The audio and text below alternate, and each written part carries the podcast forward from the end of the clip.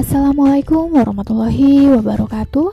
Perkenalkan sebelumnya saya Anita Juniwati, peserta Latsar gelombang 8 angkatan 45 kelompok 4 akan berbagi pengalaman pembelajaran melalui MOOC.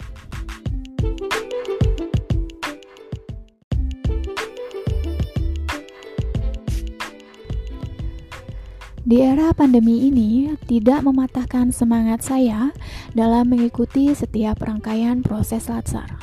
Salah satunya pembelajaran yang dilakukan secara mandiri yang disediakan oleh LAN atau Lembaga Administrasi Negara melalui aplikasi MOOC atau Massive Open Online Courses dengan metode daring.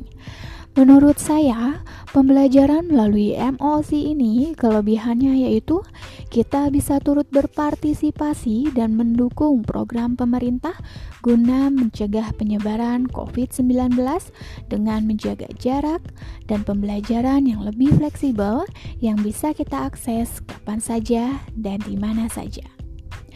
Dalam MOC tersebut terdapat banyak sekali materi pembelajaran mulai dari video pembelajaran, modul pembelajaran, hingga evaluasi akademik yang bisa kita akses di akhir pembelajaran guna mengetahui sejauh mana pemahaman kita terhadap materi yang sudah dipelajari.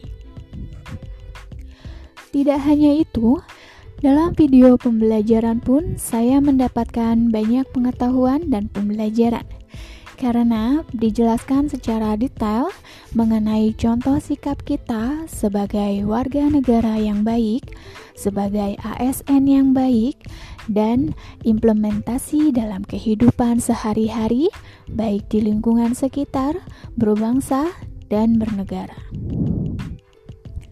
Selama belajar melalui MOOC, saya mendapatkan banyak pengetahuan, mulai dari wawasan kebangsaan dan nilai-nilai bela negara, manajemen ASN, aneka, yaitu akuntabilitas, nasionalisme, etika publik, dan anti korupsi, sampai dengan pelayanan publik. Namun, yang menjadi hambatan selama proses pembelajaran melalui MOOC adalah harus selalu berada dalam koneksi yang stabil, apalagi pada saat pengerjaan evaluasi akademik yang mempengaruhi nilai akhir dari awal belajar kita. Mungkin itu saja pengalaman yang dapat saya bagikan dan saya sampaikan selama pembelajaran melalui MOOC. Semoga saya bisa mengimplementasikannya di kehidupan sehari-hari. Sekian dari saya, terima kasih. Wassalamualaikum warahmatullahi wabarakatuh. Assalamualaikum warahmatullahi wabarakatuh. Perkenalkan, saya Anita Juniwati, peserta Latsar CPNS Pemerintah Kota Bandung tahun 2021 angkatan 45 kelompok 4. Pada kesempatan kali ini, saya akan menyampaikan pengalaman belajar melalui asinkronus dan sinkronus. Pembelajaran asinkronus berdasarkan pengalaman saya adalah pembelajaran melalui aplikasi MOOC dan LMS. MOOC menyediakan sumber belajar baik berupa file PDF, PowerPoint, dan juga video yang mengharuskan kita untuk belajar secara mandiri. Begitu pula dengan LMS Materi dan tugas yang harus kita kerjakan sudah disediakan oleh tutor dalam tiap agendanya. Sisi positif dari pembelajaran asinkronus adalah fleksibel, karena kita bisa akses di mana saja dan kapan saja. Tak hanya itu, secara tidak langsung kita pun mendukung program pemerintah guna mencegah penyebaran virus COVID-19 dengan tidak tatap muka atau bertemu secara langsung. Namun, kekurangannya kita harus berada pada jaringan koneksi yang stabil, serta tidak adanya kesempatan untuk melakukan diskusi mengenai materi yang sudah kita pelajari.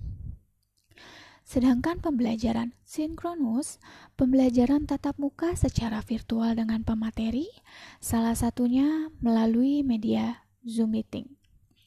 Berbeda dengan asinkronus, pembelajaran sinkronus ini, kita memiliki kesempatan untuk menanyakan terkait materi yang belum kita pahami dan melakukan diskusi baik dengan pemateri maupun sesama peserta. Selain itu, bisa mengetahui aktif tidaknya peserta dalam menerima materi. Dan tentunya bisa mendapatkan materi yang maksimal dari pemateri. Untuk kekurangannya, jaringan internet yang harus stabil dan terbatasnya waktu yang disediakan. Oleh sebab itu, baik pembelajaran asinkronus maupun sinkronus, kita harus tetap aktif belajar. Tidak hanya mengacu kepada modul pembelajaran saja, melainkan aktif untuk mencari dari sumber lainnya agar menambah pengetahuan terhadap materi yang telah disampaikan secara luas dan tepat. Sekiranya itu saja yang bisa saya sampaikan. Terima kasih. Wassalamualaikum warahmatullahi wabarakatuh.